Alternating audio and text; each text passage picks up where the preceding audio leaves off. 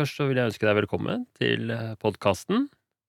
Og eh, jeg vet jo litt Vi har jo snakket litt sammen på mail foreløpig, men- så jeg vet litt om problemstillingen din og sånt nå. Men kan vi begynne med at jeg får vite litt mer om eh, hvem du er, hva du jobber med, eh, hvor du bor, Ja.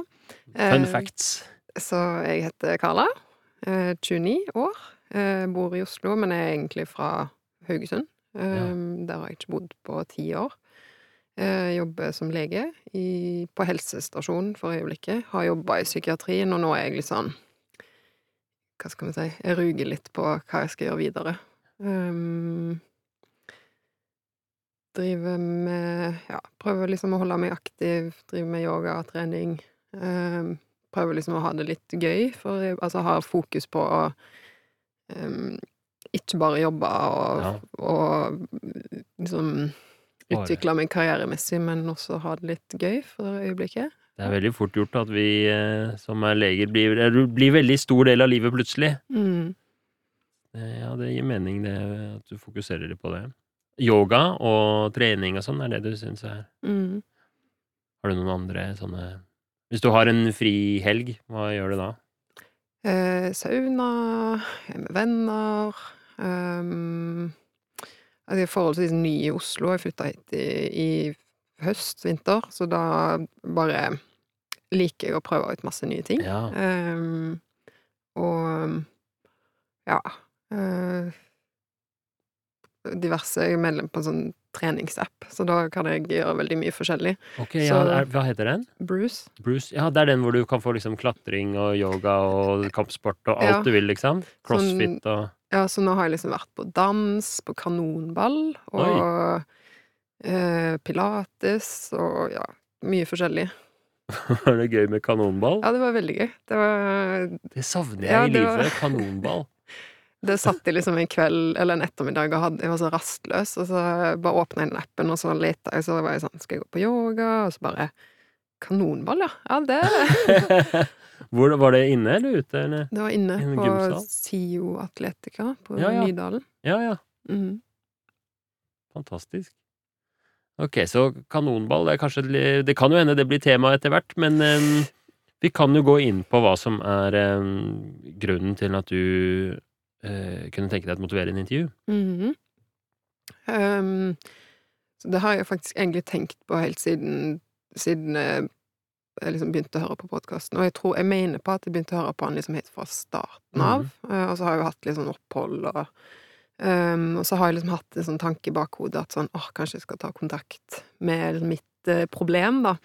Um, og det er eh, rett og slett Altså det man på engelsk kaller for body focused repetitive behavior, eller liksom kroppsfokusert repeterende atferd, eh, som går ut på liksom Altså sånn plukker på eh, Altså, jeg har bitt negler i mange år, klart å slutte med det, men jeg har liksom Mm. ikke klart å slutte å bite og liksom plukke på huden rundt Ja. neglene. Um, og altså sånn ellers litt sånn um, Bite liksom mye på innsiden av kinnene, uh, plukke på kviser Altså litt sånn Mm. ehm, Det er jo en, en medisinsk Eller en psykisk diagnose. Eh, jeg har jo aldri Jeg har jo tatt meg eh, den æren av å diagnostisere meg sjøl. Ja, ikke sant? Som vi jo gjør. Ja. Mm. Um, og hatt perioder i livet der det ikke har vært så fremtredende. Um, men ja, og så føler jeg liksom nå at nå er jeg liksom klar for å bli ferdig med å sitte og ha fingrene i munnen og slutte liksom å hele tida plukke og pitle og ja. Herlig. Jeg er veldig glad for at du tar med denne problemstillingen hit. Jeg syns det er Syns det er eh, Det blir veldig interessant å, å høre mer om og, og jobbe med. Eh, Kjempebra. Så kan du si litt mer om Kanskje mm, beskrive litt hvordan situasjonen er sånn som den er nå. Mm. Eh, og, og så går vi videre inn i liksom ambivalensfirkanten Mm. etterpå. Uh, ja. Uh, oh, altså, jeg kjenner at det liksom er sånn Det er sånn veldig sånn skambelagt. Mm. Uh, men eh, eh, Nei, så som sagt så har jeg bitt negler siden jeg sikkert fikk tenner eller noe sånt, og så klarte jeg å slutte med det i en alder av 17 eller noe, og så har det liksom bare vedvart med plukking på Altså på rundt neglene, da. Ja, det er sånn huden rundt neglene. Ja. Der kommer det ofte sånne små fliker. Ja, og neglebånd og Mm. uh, Både liksom med, altså med negler, men også liksom biting. Mm. Um, og um, altså også siden jeg var liten, også liksom bare plukka veldig mye på liksom, Hvis jeg har hatt sår, så har jeg liksom alltid drevet plukka på de skorpene. Jeg har liksom aldri fått latt ting bare være i Mm. fred og gro i fred. Og, um, og nå er det liksom hovedsakelig fingrene, altså på, på neglene, eller på uh, Ja, på rundt neglene. Um, har også hatt Altså siden jeg slutta å bite negler, så skjer det med veldig sånn ujevne mellomrom at jeg liksom At jeg begynner å bite på en negl igjen. eh, sånn at jeg kan gå rundt og ha liksom én negl som jeg biter på. Ja. eh, til jeg liksom Ja, klarer får, å ok, den venstre ring, ringfinger er liksom Ja, så nå i, i fjor så hadde jeg liksom begge, begge lillefingrene Ja. eh, over en lengre periode som Og da starter det liksom med ja, om negler knekker, eller det kommer liksom en liten Ja. sånn flis eller noe sånt, og så bare er det liksom en inngangsport da for å, for å bare bite. Um, og også liksom veldig mye eh, biting på innsiden av kinnene, som hele tida liksom mm, Har hele tida ru innsider av kinnene som jeg Mm. liksom eh, kan gå og bite litt på. Um, ja. Og om det liksom Altså, kommer det en kvise eller noe sånt, så, så får ikke den være i fred. Nei, det du beskriver jo eh, veldig godt. Jeg tror jo dette er et problem som for, Vet du kanskje det, hvor vanlig det er? For det er forholdsvis vanlig. Ja, det er ganske Altså, i utgangspunktet, det å plukke på mm. seg sjøl, det, det gjør alle til en viss grad. Mm. Altså sånn plukke på skorper eller kviser eller, eller Det er kjempevanlig, men, men akkurat den herre Altså, det kalles for liksom dermatillomani eller excoriation disorder, altså skin picking disorder. Eh, der tror jeg liksom estimatet er sånn fem prosent av Ja. befolkningen, om ikke mer. Eh, Den er jo forholdsvis ny, altså utkjent ukjent eh, Man vet lite om det. Men det kategoriseres vel sammen med OCD. Mm. Så det er ja. ja, men det tror jeg er riktig at det er veldig Selvfølgelig kjempevanlig å bite litt negl iblant, eller kanskje de fleste har gjort, og så er det er det dem der hvor det går over til å bli liksom mer dominerende, så er det fortsatt en ganske vanlig tilstand, da, eller Mm. at det har kommet en ny en diagnose ganske nylig. Mm. Ok. Skal vi gå inn på og fordeler og ulemper og altså ta dette problemet. Så vi tar liksom alle problemene i motiverende intervju, tar vi gjennom den der ambivalensfirkanten. Mm. Og så noen ganger passer det veldig bra, noen ganger passer det ikke fullt så bra. Jeg tror det kan passe ganske bra her Mm. også. Uh, Så da begynner vi med liksom hva Og dette er jo det, ofte det vanskeligste, men hva vil du si er fordelene for deg, sånn som situasjonen er nå? Ehm. Jeg kan egentlig se for meg at det er flere fordeler. Um, den ene er jo at det på et forskrudd plan er ganske tilfredsstillende. Ja. Uh, og liksom Og hvis det er liksom et ja, hvis det er en flis eller et eller annet, og liksom å fjerne den, selv om liksom Det, det er ganske vondt. Altså, jeg kan Ja. gå rundt og ha Jeg kan gå rundt og blø på fingrene flere ganger i uka og ha ganske sånn Ja, altså, det, det ser veldig sånn ekkelt ut òg, eh, men men på et eller annet plan så er det også veldig tilfredsstillende. Um, En del av deg får en glede for Ja. liksom eh, tilfredsstilt av Ja, det- å fjerne den Mm, ja, det er skikkelig sånn todelt, for det er jo som Mm. en del av meg som da har den tilfredsstillelsen, og så er det jo en del som Hater den og, ja, ja. og liksom bare at dette var vondt, og, Ja. og får liksom eh, sånn neglerotsbetennelse flere Ja. ganger i året, og, eh, og det er jo ikke noe gøy. Nei. Det er jo en, en perfekt eksempel på ambivalens, da, ikke sant? Mm. At det er selv om du har masse negative opplevelser med det, og som du sier, smerte, blod, betennelser og Du nevnte også at du kjenner skam når du snakker om det, ikke sant? Men så er det en del som syns det er tilfredsstillende. Ja. Jeg har også skam når jeg gjør det, for det er Mm. liksom Det er jo Eller det er veldig synlig sånn, spesielt når jeg jobber med pasienter, altså når du Mm. er liksom bortpå Bortpå folk og liksom med fingrene, da, så, så, legg, så er jeg veldig bevisst på det sjøl. Sånn Ja. nå eh, Tenk om de Hva tenker de nå, eller altså ehm, Ja, for du gjør Du, du jobber jo på helsestasjon, så da er det mye undersøkelser av små barn. Ja. Så det er veldig Bruker jo hendene veldig mye. Ja, så jeg, jeg bryr meg ikke så veldig om ungene, men foreldrene sitter jo ofte Ja. og ser på når, Ja, jeg, eh, når jeg driver og undersøker og sånn. Så er det liksom Av og til så er det liksom til den grad at jeg må liksom At jeg gjemmer liksom For eksempel hvis det er en ting som ser eh, eh, maltraktert ut, så må jeg liksom gjemme den, eller sånn OK, men da Ja, ja. da påvirker det faktisk litt hvordan du har det på jobben nå. Mm. Ok, så eh, vi kommer jo fort inn på ulemper, da, Ja. men det er, eh, og det er helt fint. Mm.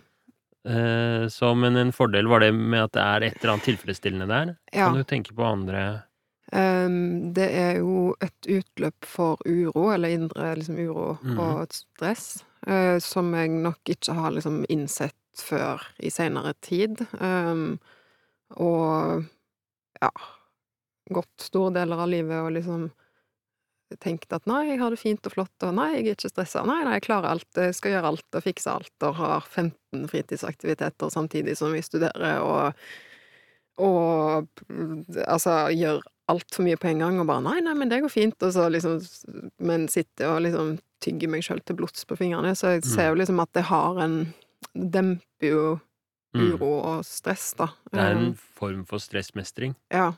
Altså, jeg har aldri Aldri snusa, røyka Sånn rusmidler er liksom litt sånn Aldri hatt noe sånn stor interesse av alkohol. Jeg, liksom, jeg kjenner ikke at jeg har den jeg, jeg kan ikke noen gang se for meg at jeg kommer til å bli avhengig av et eller annet rusmiddel, men, Mm. men liksom Det her er liksom min, eh, min røyk, Ja. da. Det er rart hvordan man finner liksom Ja, som du sier, din røyk. Det var in veldig interessant at du sier det, for det er, virk, det er mange som røyker, beskriver det samme, liksom. Nei, det er, fordelen er at det er en tilfredsstillelse der og da, selv om jeg vet at det er skadelig, bla, bla, bla. Og så er det også at det er Ja, men det demper en uro eller en stress. Mm. Og så er det også um, Jeg har lagt merke til at jeg gjør det en del hvis jeg kjeder meg, eller liksom Mm. hvis jeg um, Ja, hvis jeg rett og slett kjeder meg. Så det er liksom en sånn det er tidsfordriv, da. Altså en måte å holde seg underholdt på. Eller Ja. jeg, en måte jeg holder meg underholdt på, da. Ja, så kjedsomhet er jo noe av det, og det, sånn er det også med alle andre avhengigheter, at kjedsomhet er noe av det mest sånn triggende. Kjedsomhet er vanskelig å håndtere, altså. Dette veldig, Du har veldig reflektert over det her, da. Du har, selv om jeg ba deg ikke forberede deg, så har du jo tenkt eh, Og dette har du jo eh, levd med hele livet, egentlig. Mm. Du sa siden du fikk tenner. Ja. Jeg håper, tenkte var det siden du fikk negler eller siden du fikk tenner, men det var jo Ja. mer at det var tenner. Ok. Noe mer på liksom fordelene med situasjonen nå? Altså, dette er kanskje ikke en fordel som jeg eh, Som jeg liksom kjenner på bevisst, men jeg tror jo også det har Det har jo en viss fordel i og med at da slipper jeg å kjenne på Altså, det, det er nok en del følelser Altså utløp for en del følelser og sånn. Det regulerer meg vel på ganske ganske Altså, jeg tror det regulerer meg litt, da, innimellom. Mm. Um, så det er vel en slags fordel der, da. Ja. Så da trenger jeg liksom ikke å kjenne på det stresset, da, eller det Ja. Um, ja, Ja. ikke sant? Og du beskrev liksom stress og kjedsomhet, og det kan jo komme andre enn negative følelser Mm. Og hvis du har en metode som er liksom en måte å skifte fokus For mange så er jo det så, ja, over til noe som er konkret, kanskje vekker litt smerte, vek, vekker jo skam også, men da får du i hvert fall skifta fokus. mm, Fra om det er eh, hva det nå skulle være, alle livets vonde følelser som man opplever, da, altså skuffelser og stress og sorg og uh, ubehag og kjedsomhet. Mm. Det er veldig bra. Da har vi Vi har en, at det er tilfredsstillende, vi har det at det, at det regulerer litt stress og kjedsomhet og andre negative følelser. mm. Hva er ulempene da med situasjonen sånn som du har det nå? Um, en ting er jo det med jobb, eller, altså, eller hverdagen, da. At jeg merker at det um, Ja, jeg skammer meg. Um, og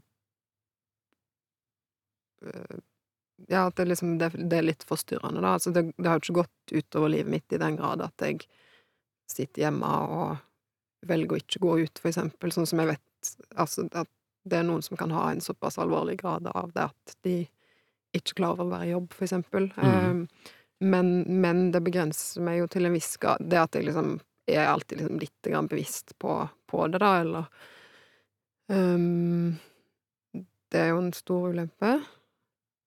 Um, og så er det den fysiske biten med smerter, uh, infeksjon. Um, det kom jeg på en fordel til, uh, som jeg Eller som jeg Nå backtracker litt, men, men en ting som jeg har liksom hatt med meg som en sånn Hva skal man si?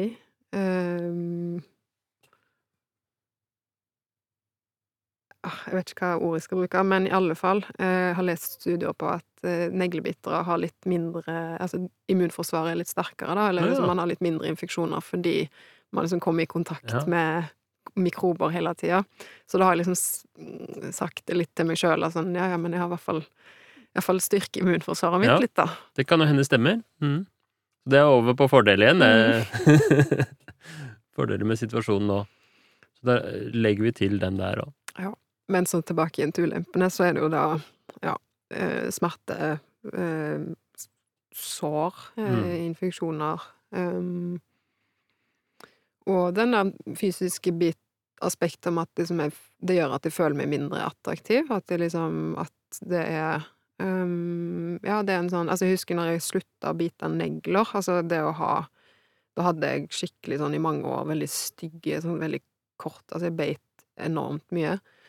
Um, og når jeg da klarte å slutte å bite, så var det liksom Jeg bare følte meg sånn 10 000 ganger bedre, og bare ja. liksom nesten Det var vel en periode da tror jeg ikke jeg beit noe særlig på, eller da tror jeg faktisk fingrene mine var helt glatte, og jeg, liksom, jeg tok så vare på de, og liksom alltid neglelakk, og liksom følte meg mm. liksom fin, da, eller sånn Ja, liksom Ja, bra. Så det at du husker det fra den gangen, at um det var både det rene eh, liksom utseendemessige aspektet, at det var fint å ha fine negler, men så har du jo også sagt flere ganger at, skam, at det er skam involvert, og sånt, mm. så at du føler deg bedre. Både sånn at du føler deg kanskje freshere, men du føler deg også bedre med deg selv, liksom. Mm. Mm. Du er eh... Så en ulempe med situasjonen sånn som du er nå, er at eh, plukkingen gjør at du føler deg dårlig? Ja. Øh, ja.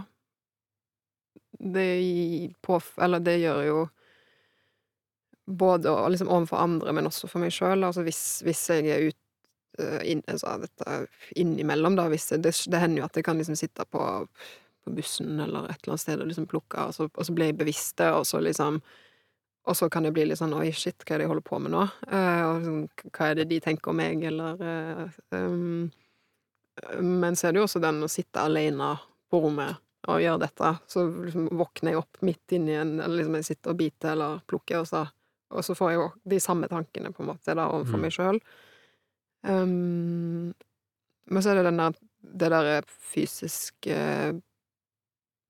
bit den der attraksjonsbiten, da, men liksom mm. at det bare det, det, føles litt sånn uattraktivt ut å, ja. å, ha stygge fingre eller stygge negler, da, eller mm. ikke mm. Ja, huden rundt uh, ja. neglene, da.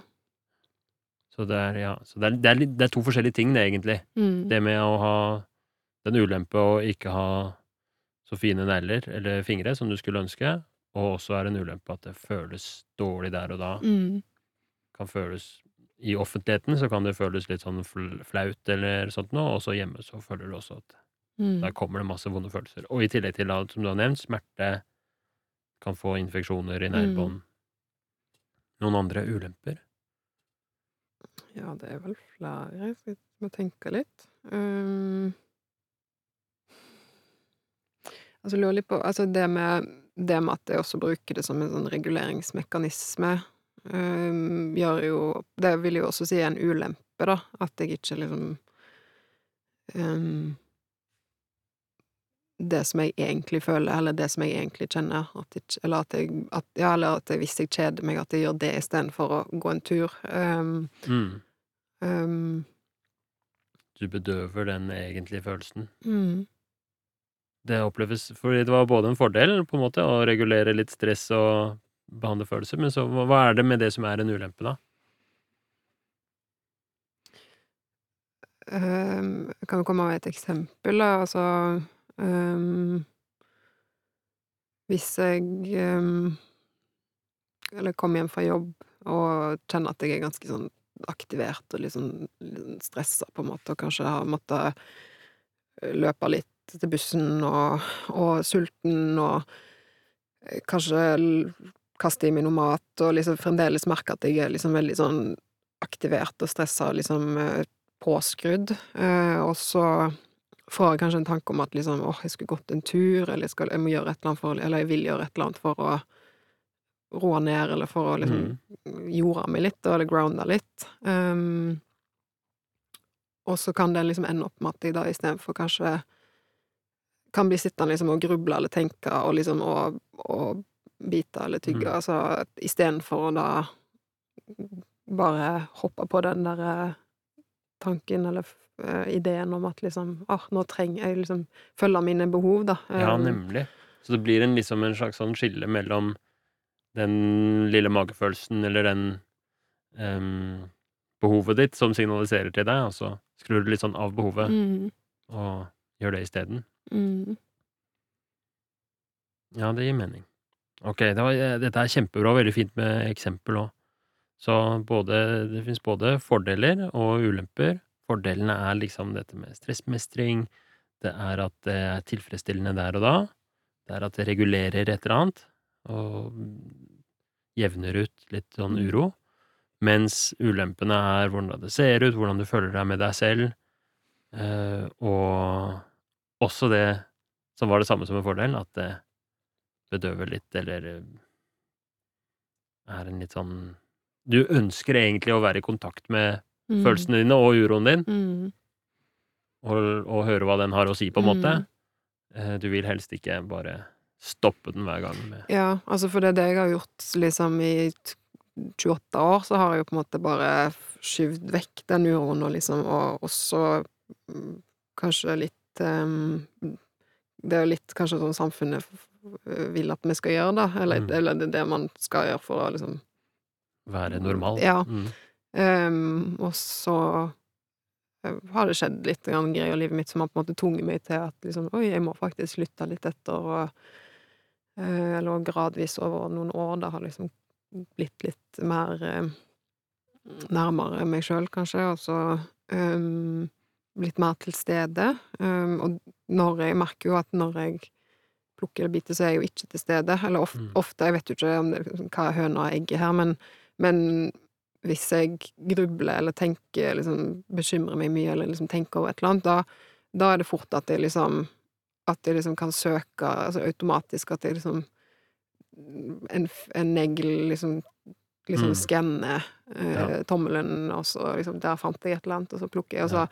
og så går tankene, og så liksom kobler jeg jo litt vekk. Altså, jeg kobler Ja. jo helt vekk. Um, At det er, det, ja, det, min, det er liksom nesten en sånn derre transe Helt i din mm. egen verden. Du sier grubling, det henger sammen. Mm. Det en litt sånn kobling der. Ja, for det er sånn noe jeg legger merke til um, hvis jeg ser på TV eller film hjemme, uh, så sliter jeg veldig med å ha fokus på, på eh, skjermen eller filmen, og liksom, da sitter jeg ofte, enten om det er mobil eller vasker klær, eller, Mm. eller sitter og plukker Ja. uh, liksom mens jeg, mens jeg ser på det. Men hvis jeg går på kino, da klarer jeg å sitte liksom helt i ro Ja. i to og innimellom lengre tid, og bare ikke et øyeblikk liksom borti Altså, det, det streifer liksom ikke tankene mine engang, eller det, det, det skjer liksom ikke. Altså, Det er veldig interessant, det der. ja, det har jeg liksom lagt merke til Det er den samme aktiviteten, men fordi det er en litt annen kontekst, litt annen setting, så er du Mm. liksom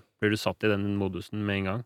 Ja, jeg tror det er den der tilstedeværelsen Mm. som mangler. Også hvis jeg går tur i skogen, så skjer det jo ikke. Men hvis jeg går, hvis jeg skal liksom stresse litt og gå til bussen, eller Mm. skal et sted, da har et mål, da, da er det ofte at jeg liksom Ja. Mens jeg går, liksom plukker Eller liksom kjenner at da pirker jeg borti, eller ja.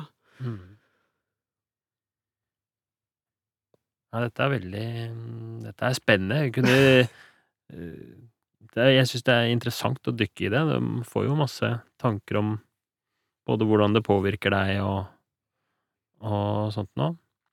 Um, de neste to liksom, hovedspørsmålene går da på uh, Hvis du skulle fått til en endring, da, hva, uh, hva ville vært fordelene og ulempene med det? Så før vi går til den, kan du beskrive litt hvordan du ser for deg at en endring skulle vært? Ikke nødvendigvis hvordan du skal komme dit, men hvordan det ser ut hvis du får det som du vil? Mm, altså enkelt og greit så er det jo at jeg ikke At jeg liksom ikke plukker, Ja. øh, og ikke biter. Uh, Verken liksom Altså fingre eller liksom innside av kinn. Um, det er vel liksom det Det er målet. Det Det er drømmen. Ja. Men jeg føler jo at sammen med det så må det jo komme mye annet. Altså, da må jeg jo på en måte begynne kanskje å lytte til mine behov og, Mm. og være litt mer til stede og Så hvis vi, bare, vi på en måte ignorerer, eh, ignorerer veien dit, vi bare ser male bildet av hvordan det en hverdag når alt er i boks, hvordan ser det ut? Ja, da hopper jeg liksom lykkelig rundt i gatene med liksom vakre fingre uten en eneste liksom en eneste flis og Mm. ja. Så fingrene er vakre, og du hopper rundt, Mm. og jeg ser du smiler når du snakker om det, for det er et eller annet du har Du kjenner deg lykkelig og Ja, beskriv enda mer hvordan det føles å Altså, da jeg også på jobb, og så liksom jeg, er fokuset mitt på det jeg gjør, og ikke på liksom Eller nå sitter jo ikke jeg og liksom bare har fokus på, på fingrene mm. mine, selvfølgelig, i, i en uh, undersøkelse, men at det liksom At det ikke er en sånn ting som tar opp uh, hjernekapasitet, da, og Mm. liksom å, å legge fokus på fingrene. Det, er liksom, det bare Det har du helt glemt, du bare ser Ja. på eh, barnet du undersøker, eller Og så er det ikke vondt, altså, for det er jo Mm. sånn Nå har jeg jo smerter mm. Eh, ja, jeg har vel egentlig hatt liksom mer eller mindre smerter i fingrene hele livet, sånn av og Ja. på. Eh, så ja, smertefritt. smertefritt. Så en smertefri, avslappet tilværelse hvor du ikke tenker så mye på det, ikke plukker, ikke tygger. Ok. Ja. Um, det er vel liksom drømmescenario. Det er drømmescenarioet. Mm. Det er det du ønsker deg. Det er tøft å, å kunne på en måte Det krever litt mot og bare å si det.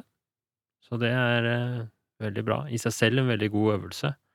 Um, så det er eh, bra. Skal vi hva, Gå enda litt sånn mer inn på hva er liksom fordelene for deg hvis du får til en sånn endring? Så den fysiske biten med, med både liksom utseendemessig, da, at, det- det ikke er, noe der på Eller at det liksom Mm. er normale fingre, da, Mm. eh, om, det går an å si. Mm, og ikke noe sår. Um, ikke noe blod. Um, ikke noe infeksjoner. Det er jo en stor fordel. Mm, og så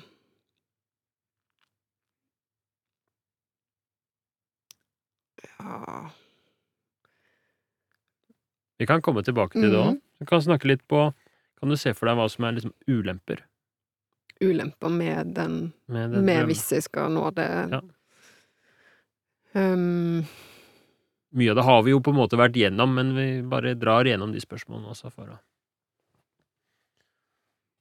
mm,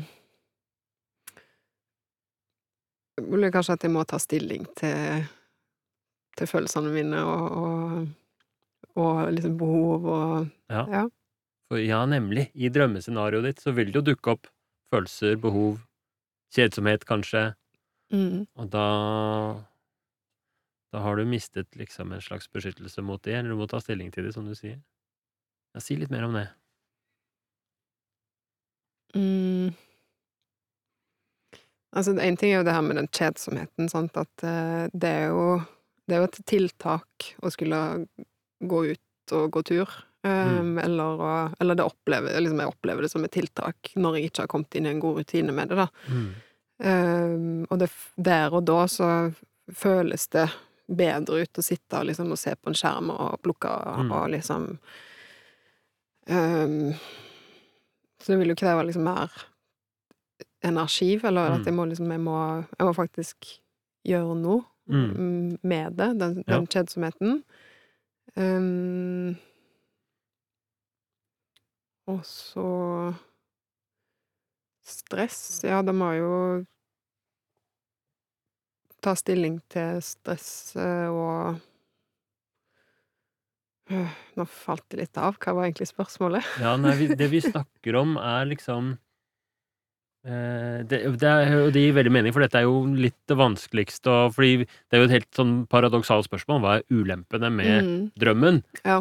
Eh, og så må man jo tenke liksom hva kan det være, og så sier du at det handler om handler om at ja, hvis du Ulempene med å leve sånn at du ikke plukker og ikke hopper rundt sånn som du vil, liksom, og har fingrene så ser normale ut, det er at du må ta stilling til en eller annen stress eller en uro. Mm, Og bare ja. det å snakke om det er liksom litt vanskelig. Ja. Det er et eller annet der, da. Ja, jeg merker at det, Ja. at det er vanskelig liksom å gå inn den døra. Ja. Um, ja, det er vel liksom at, at da må jeg liksom faktisk um, ta gode valg for meg sjøl, og, og uh, ikke det at Eller det gjør jeg, tar allerede veldig mye gode valg, da, men, men uh, at jeg må kanskje leve livet på en litt annen måte enn jeg er vant til, da. Jeg må begynne Mm. med nye, nye rutiner og Eller ikke nye rutiner, men kanskje liksom nye vaner og ja. Det liksom leve på en, den måten som jeg ikke Jeg klarer liksom ikke å se for meg hvordan det skal se ut, da. Nemlig. Det er, åh, dette er spennende, altså, fordi du beskriver liksom noe som jeg synes Ofte så får folk ikke helt til å beskrive det, men det, selv om det er en endring som kanskje oppleves som en sånn åh, det hadde vært fint å få til, så er det noe skummelt der. Det er et eller annet Mm. som betyr at du må ta Så klarer du ikke helt å sette ord på det, Mm. fordi bare det at det er en endring, noe uvant, en forandring fra status quo, er, dukker opp en eller annen motstand Mm. mot det.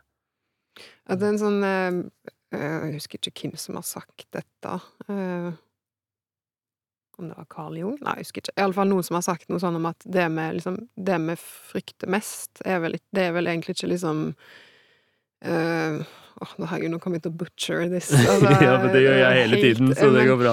det man liksom frykter mest, det er liksom ikke egentlig eh, liksom den verste utgaven av seg sjøl. Liksom det, at, altså det, er det er dårlig Mm. i seg sjøl, men det vi frykter mest, er jo egentlig liksom det beste Altså Ja. hvor faktisk mektig vi på en måte er, da, eller hvor Altså eh, liksom, eh, de, Altså, ja, potensialet vårt, da. Mm. Eh, og det er kanskje der jeg liksom føler litt det ligger, da, for hvis jeg liksom Hvis jeg skal slutte å plukke, Mm. og, og sånn, så Mm. må jeg også da Eller må må, men da ser jeg for meg at uh, da kan jeg ikke sitte og surre vekk masse tid på mobilen eller på Ja.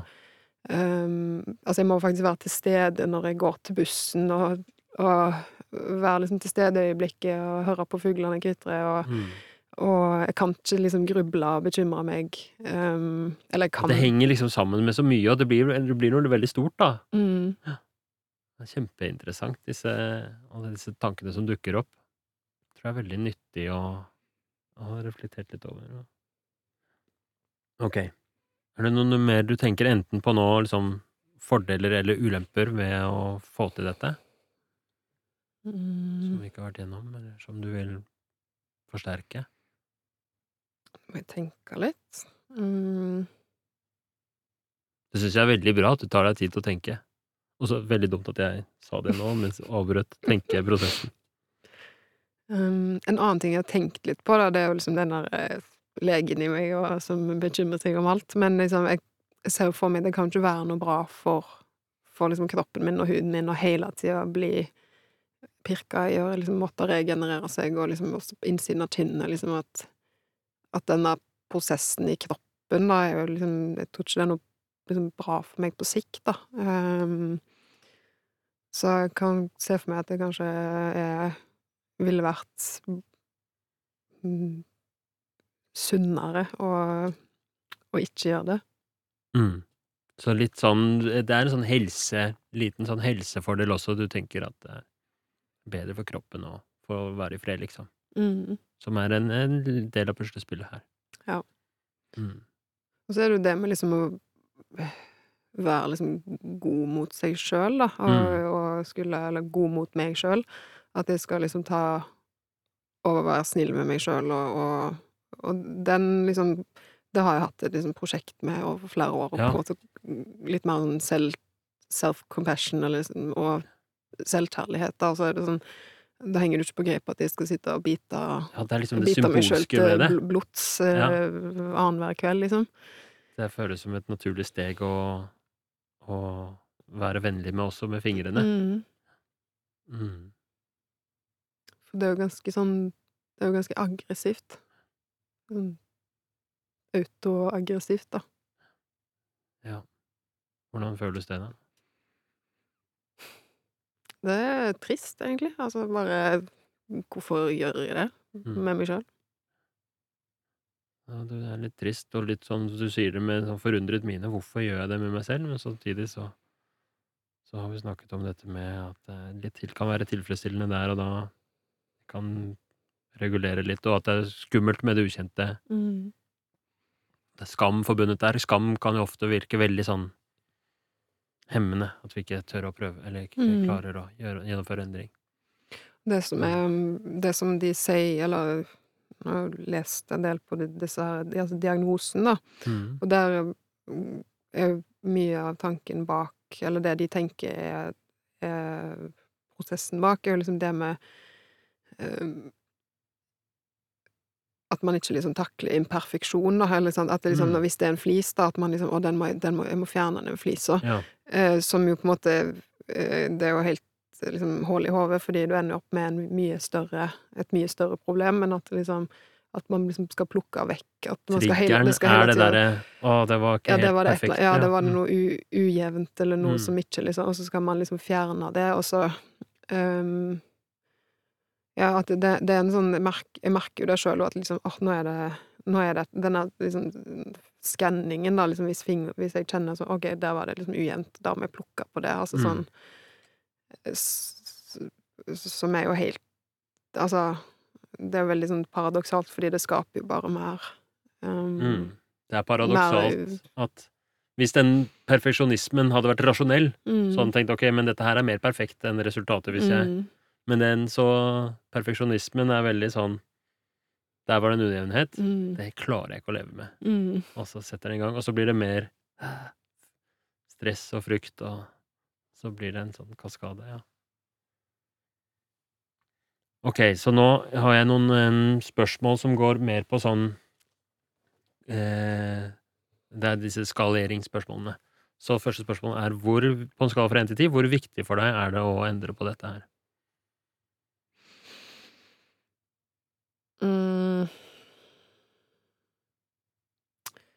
Akkurat nå så vil jeg vel si ni, kanskje? Ja. Fantastisk. Ni. det er jo veldig høyt, da. Du sier ikke ti, da? Nei, for det er liksom en liten del av liksom Jeg har, jeg har egentlig aldri gitt det et 100 forsøk før, men jeg har tenkt tanken mange ganger om at liksom, jeg har lyst til å slutte. Um, og så Og så kan jeg også kjenne igjen eh, liksom episoder eller eh, situasjoner der jeg er bevisst at jeg liksom At jeg liksom Jeg klarer å fange meg sjøl litt liksom å, nå, For mye av det skjer liksom helt ubevisst. At jeg liksom, det bare jeg, jeg tar meg sjøl i sånn Oi, shit, nå holder jeg på med det. Men innimellom så, så klarer jeg liksom å At jeg liksom føler at jeg har et valg, da. Eller at Mm. jeg liksom sitter der og uh, skal begynne, eller tenker at jeg skal begynne, og så så Nei, det burde jeg ikke. Eller liksom jeg skal gjøre noe annet, og så bare Nei. Tar og plukker litt likevel. Mm. Um, så, så det er vel den der Det er vel derfor det ikke er en tier, da. En, ikke en tier, fordi det er en sånn eh, Nå kan det hende jeg tolker deg feil, men du sa at du, liksom, du har aldri gitt helt 100% sjanse. Hvis du virkelig går for å fikse det, så er du redd for at Hva hvis du ikke får det til da? Mm. Så det er en slags sånn frykt, egentlig, som ligger mellom den nieren og tieren. Men du sier fortsatt ni, kjempehøyt på skalaen. Du sier ikke sju. Mm. Hvorfor tror du det? jeg føler liksom er på tide. Altså, nå blir jeg 30 neste år, og så kanskje det liksom er på tide å vokse, vokse fra seg og ha fingrene i munnen. Um, og ja, jeg kjenner at jeg er nysgjerrig på livet uten den plukkingen, da. Siden det har vært noe som har fulgt meg altså hele livet. Eh, og, og jeg er mer bevisst på Altså, tidligere så har jeg ikke skjønt hva det handler om. Altså, det har bare vært en, liksom, en ting jeg har gjort, og så har jeg, har jeg ikke hatt noe som helst begrep om hvorfor. Um, og nå føler jeg at jeg har klart å kanskje kommet litt under huden på meg sjøl, og, og komme i mer kontakt med følelsene mine og mine behov og grenser og sånne ting, og så uh, er jo det liksom en prosess i seg sjøl, en jobb som jeg holder på med, men, men da føler jeg også det henger med at Eller det, det holder meg liksom litt tilbake igjen, føler jeg. Ja. ja. Så du er på en reise, en Om det handler om liksom å vokse som menneske, eller modning, eller dannelse, eller hva det er for noe, mange begreper, da, men du jobber jo Det er jo eh, fantastisk å høre opp, da jobbe med deg selv, med å Du sa liksom å, å akseptere deg selv og være vennlig med deg selv og utvikle deg, bli kjent med dine behov og dine følelser, og så sier du at nå begynner jeg å bli klar for Jeg er nysgjerrig på livet uten denne plukkinga. Det føles som et sånn naturlig steg. Og det er det som gjør at du er, du, du er verken på en sjuer eller åtter, det er helt opp på ni, liksom. Hadde vært på ti hvis det ikke hadde vært for den der frykten for det ukjente, kanskje. Ja. Du må si hvis du er uenig. Jeg er enig. Det høres eh, riktig ut. Så på en skala fra én til ti, hvor stor tro har du på at du kan få til å gjøre en endring? Huff. Um, det er der, vet du Altså, jeg, jeg vet at jeg eh, Jeg har jo klart veldig mye i livet, eh, og gjort mye ting som jeg har bestemt meg for, og jeg vet på en måte at jeg har en gjennomføringsevne på mye, og at jeg har at jeg på visse områder er ganske viljesterk og har mye disiplin og sånn. Um, men så er det liksom Det er en liten del av meg som bare tenker liksom at nei, akkurat dette får jeg ikke til. Ja. Um, så hvis du skal bare være helt ærlig, hva er den følelsen du har liksom på skalaen? Var det fra én til ti? For uh, hvor mye jeg tror på meg sjøl at jeg kommer til å klare det. Ah, jeg har liksom lyst til å si fem. fem? Uh, ja. Fem-seks, kanskje. Ja. ja. Så hva er det som gjør at den ikke er på åtte, ni, ti?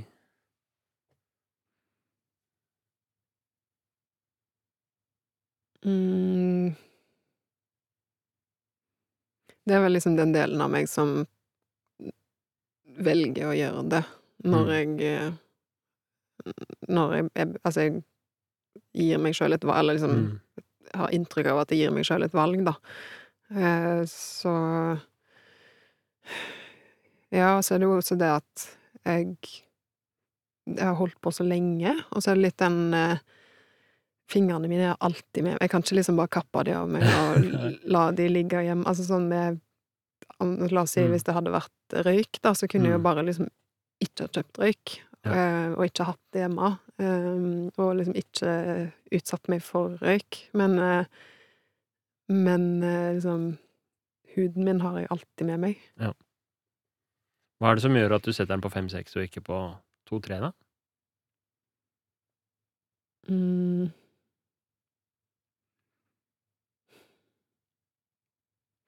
Jeg har vel aldri egentlig prøvd å slutte sånn mm. skikkelig. Um, annet enn selvfølgelig slutta å bite negler, men, men jeg har vel aldri bevisst gått inn for at nå skal jeg faktisk slutte mm. å plukke eller bite. Ja. Din erfaring når du først bestemmer deg for å gjøre noe, så er det som regel at det går bra? Ja, jeg er litt sånn der alt eller ingenting-person. Eh, ja. Kan du fortelle meg om den gangen du klarte å slutte å bite negler, for det tror jeg kan være litt interessant. Um, var jeg vel Jeg tror jeg var 16-17, um, ehm, og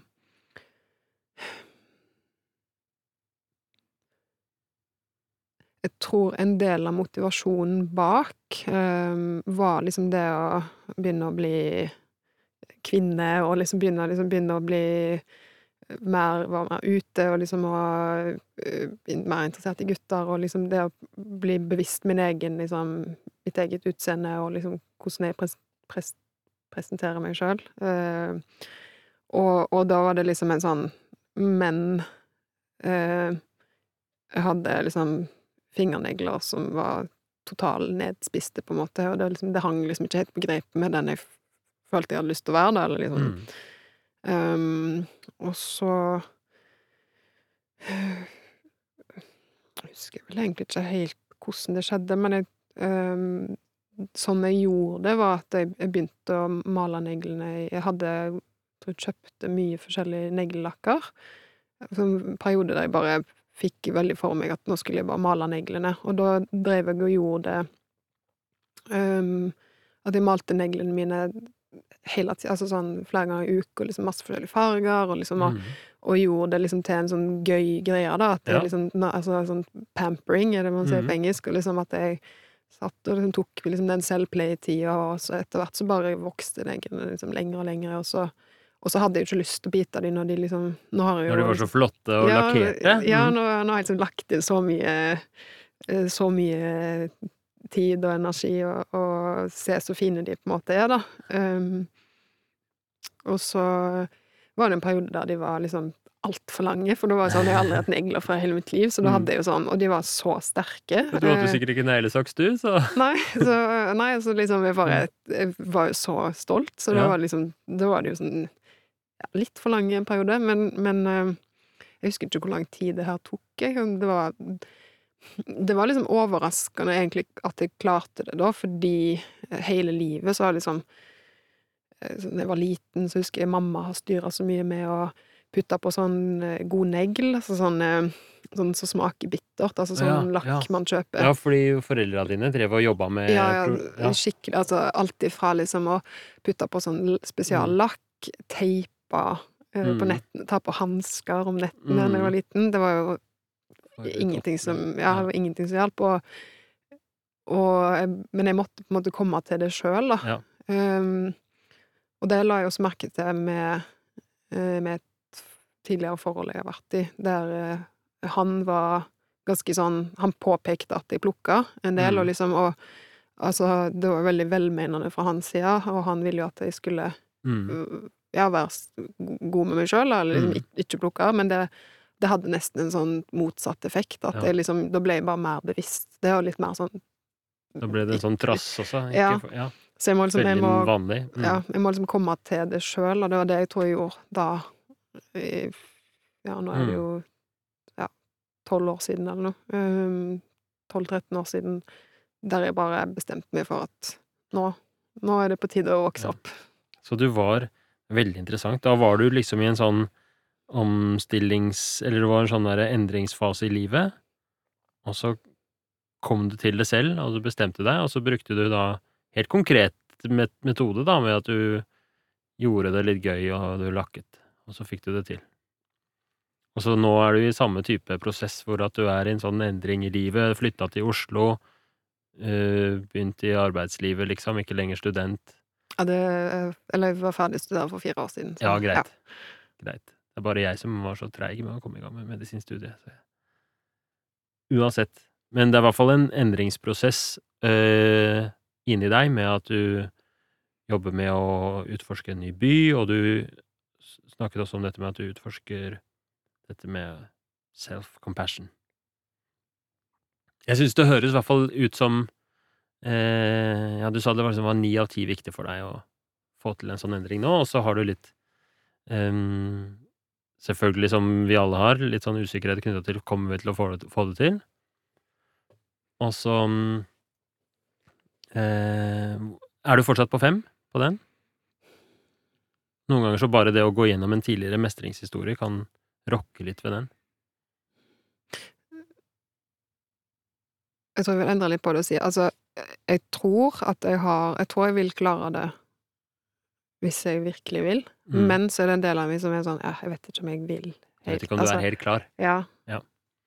Så Den er ikke på fem lenger, den er på Hvis du virkelig vil få det til, hvor stor tro har du på at du får det til? Ja, da er det jo ti. Da er det ti, ja. Ja. Nemlig. Men det er et eller annet som står i veien, og det er hvor klar er du på skala fra én til ti? For å gjøre, begynne kanskje- arbeidet nå, liksom. Der har lyst til å si fem, men jeg tror jeg skal endre det til liksom sju. Du er på sju, ja. Hvorfor gikk du fra fem til sju nå, da? Eh, fordi jeg tenker at sånn, jeg har egentlig veldig god tid for øyeblikket, og liksom har um, Det er fint å liksom ha et prosjekt, da, uh, og ja um, Nå har jeg jo på en måte tatt det steget å ta kontakt med deg og gjøre, komme liksom hit, da, så da tenker jeg at nå Ja. Det, hvorfor ikke nå, liksom? Ja. Det er modig. Det er jo Er du villig til å prøve på dette, selv om det kan hende at du da må begi deg litt ut i det ukjente? Kanskje møte på noen eh, av disse følelsene som blir dempet litt av plukkingen? Mm, ja. Det jeg er liksom redd Eller jeg er litt redd for, da, det er jo det at um, Tar jeg vekk den, den der mestringsstrategien, hva er det som kommer i istedenfor? Mm. Eller, og, og, om jeg kommer til å klare Kommer å til å begynne å røyke? Ja, det er sant. Mm. Altså, skal jeg bli som heroinist, kanskje? Eller altså Og så liksom um, Jeg kan se for meg at jeg også blir nødt til å ta stilling til litt andre ting, da. Sånn det Mm. der med den kjedsomheten og, og mobilbruk, blant annet. Og liksom sånn Det er et litt større bilde enn bare plukkinga. eller jeg Mm. går alltid Jeg er veldig sånn Jeg sliter liksom med å ikke tenke på alt Ja. eh, på en gang. Kjenner. Eh, Det er en slags perfeksjonisme der òg, at det skal liksom være en idealplan som tar høyde for Mm. alt mulig. Hva mm, eh, Hva Jeg har jo nevnt litt for deg hvordan det er vanlig at programmet er her, da, fram til oppfølging og sånt. Nå er det noe spesielt du tenker du trenger, eller hva er Hvordan vil du starte den prosessen, hvis du vil starte den? mm, hva tenk, hvordan jeg skal liksom Hvordan jeg vil eh, Hva på en måte starte og slutte å bite, holdt på å. Mm, jeg kan jo si I hvert fall, jeg kan jo mm, presentere det som er eh, eh, det vanlige her, da. Mm. Det er at mm, Det som jeg tenkte, er at vi nå eh, har har snakket eh, og gjort liksom det motiverende intervjuet med ambivalensutforsking og kartlegging av motivasjonen, hvor du sier at det, er ni av ti viktig for deg å gjøre denne endringen. Og så det, har du et sted mellom fem og ti av ti troa på at du får det til, hvis du virkelig gjør det, og så er du sånn cirka sju av ti klar for å gå i gang. Og har du lyst til å endre på dette, liksom? Ja. Ja. Eh, Så bra. Det er tøft. Eh, Så da Da foreslår jeg at um, fram til neste gang, da, som er om ca. to uker, så uh, så melder du deg opp, eller så setter vi deg på så det, det, den e-postprogrammet, hvor du får en e-post hver dag med en liten oppgave. Og summen av de 14 oppgavene da, det er at du designer deg en endringsplan. Så du skal egentlig Mitt forslag da er at du ikke begynner å gjøre noe endring nå. Du skal ikke slutte å plukke, Mm. eh, men nå er liksom prosessen ganske sånn møysommelig å lage en plan for hvordan den Mm. endringen skal skje, da. Så den vil inneholde både det litt mer jobbing med det som vi gjorde helt i starten, hvordan ser det ut Mm. når du har fått det til, og så litt om å gå gjennom fordeler og ulemper, og så er å lage en liste med tiltak. Og da kan du gjerne spørre andre og gjøre research, og det finnes jo kanskje um, forskning og, og erfaringer med akkurat hvordan man slutter med plukking. Mm. Og det må jo tilpasse så, så som gjerne bruke fra dine tidligere erfaringer. Også i den planen så skal det stå litt om mestringshistorier, og til slutt så er det å sette noen mål, da. Mm. Som er litt mer sånn konkrete delmål fram til, eh, fram til eh, neste gang det er igjen. Hvordan syns du det høres ut? Egentlig ganske gøy. Eller Ja. det høres eh, ja, Jeg kjenner at det blir liksom litt sånn Jeg gleder meg. Ja, Så bra. Jeg håper det. Jeg har prø- jeg har prøvd å designe det opplegget så det er litt gøy, og at det er litt sånn rolig fremgang, og så er det i motsetning til det som kanskje er intuitivt, så holder man litt tilbake med å sette i gang med endringen. Man gjør grundig forarbeid først. Mm. Og det er, eh, tror jeg er veldig viktig. Mm. øker, eh, øker sjansen for å lykkes Mm. betraktelig. Det er hemmeligheten. En av Mm. hemmelighetene. Um, da tror jeg vi bare gjør det sånn. Ja. Har du noen siste tanker eller forventninger eller spørsmål? Er du klar? Mm, Nå må jeg bare Nå må jeg liksom eh, samle meg litt og, og tenke over om jeg klarer Eller kjenne om jeg klarer eller ikke.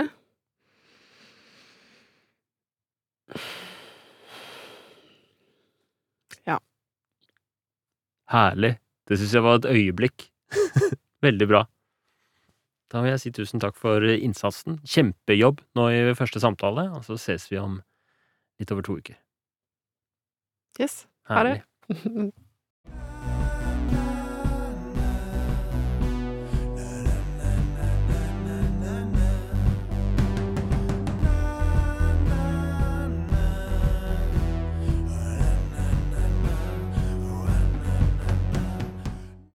Ok, da er vi ferdig med den samtalen med Carla. Jeg syns dette var eh, veldig bra. Eh, jeg er veldig fornøyd med hvordan samtalen ble. Man får jo etter hvert en sånn følelse av hvor, hvordan føles et virkningsfullt motiverende intervju.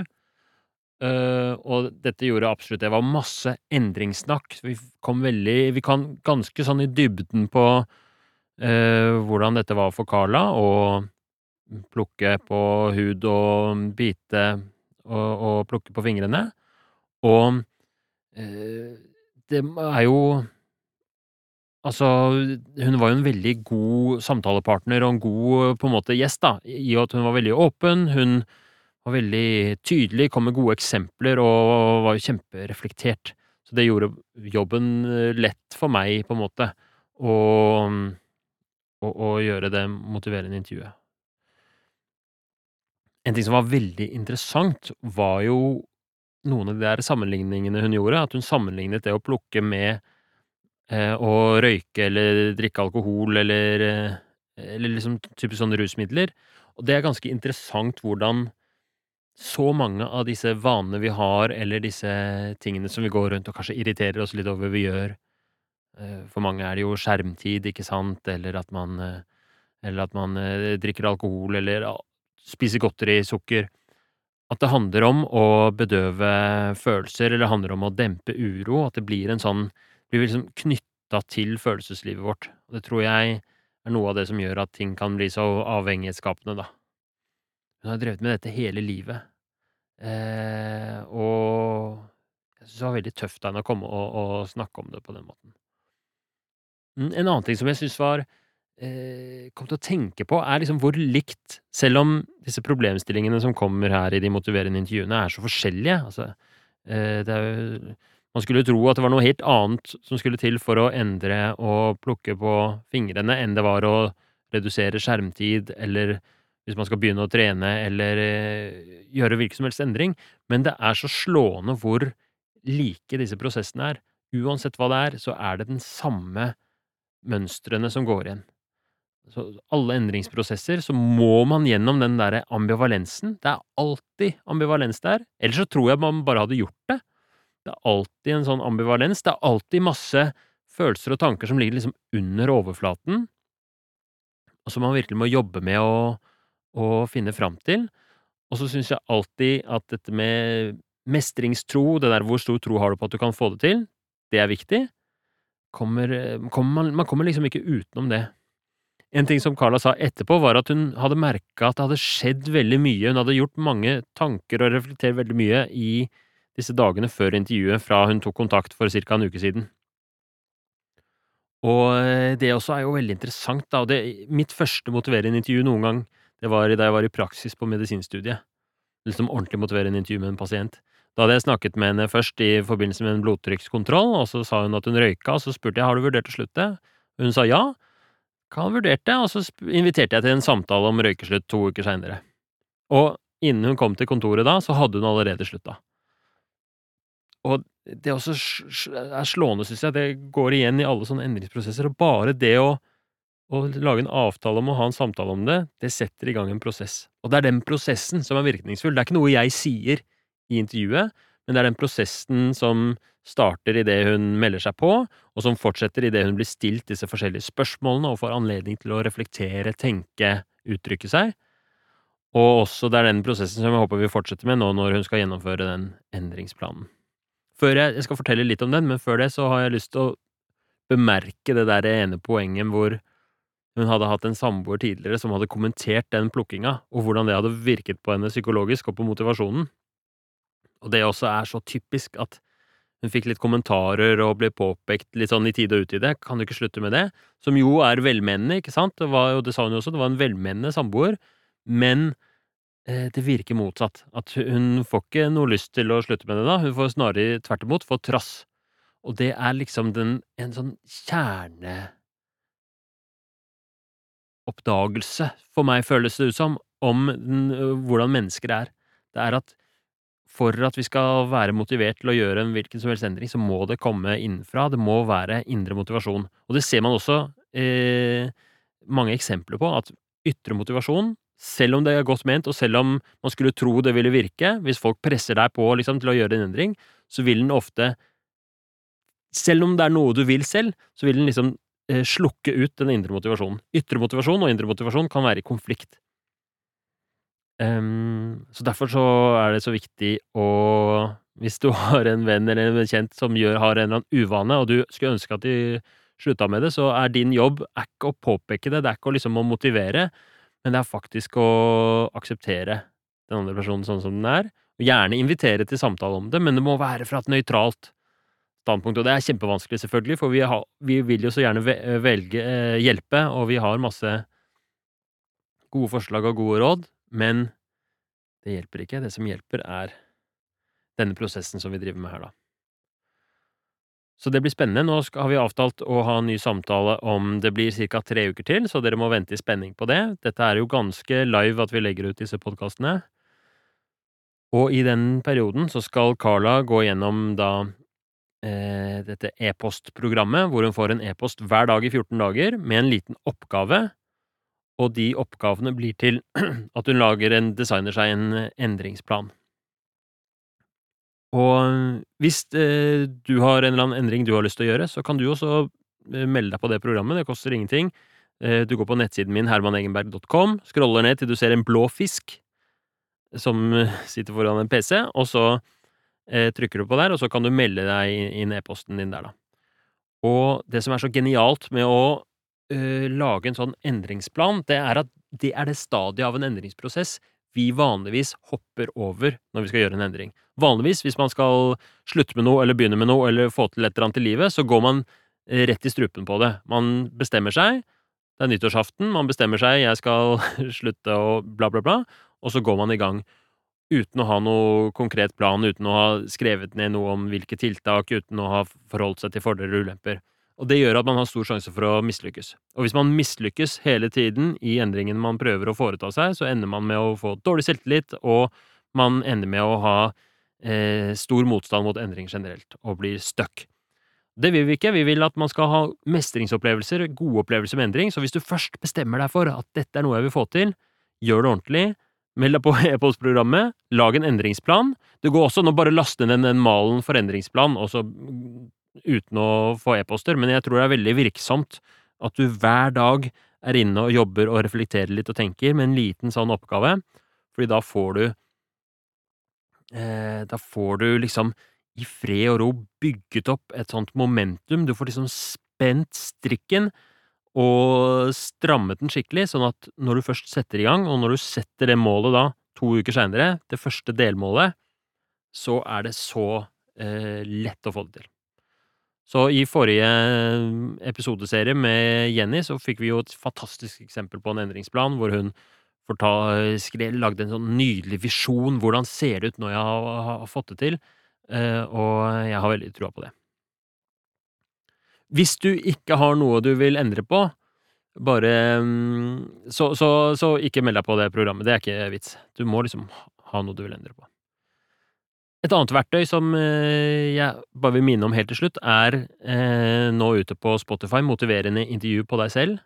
Det er da en lydopplevelse på ca. tolv minutter som du setter på, og du får disse spørsmålene fra motiverende intervju, hva er fordelene, hva er ulempene, etc., og gå gjennom de i en sånn refleksjonsøvelse med litt sånn stemningslyder i bakgrunnen. Ehm, det er en av oppgavene som Carla kommer til å få, å gjøre et par ganger i løpet av eh, disse to ukene, for å forsterke effekten av det motiverende intervjuet. Det kan være litt vanskelig hvis du ikke har noen sånn tanke om noe du vil endre, og gjennomføre den øvelsen, men eh, hvis du veit hvordan du gjør det, og behersker det, så har det kjempeeffekt. Jeg bruker det masse selv når jeg skal gjøre mine endringer.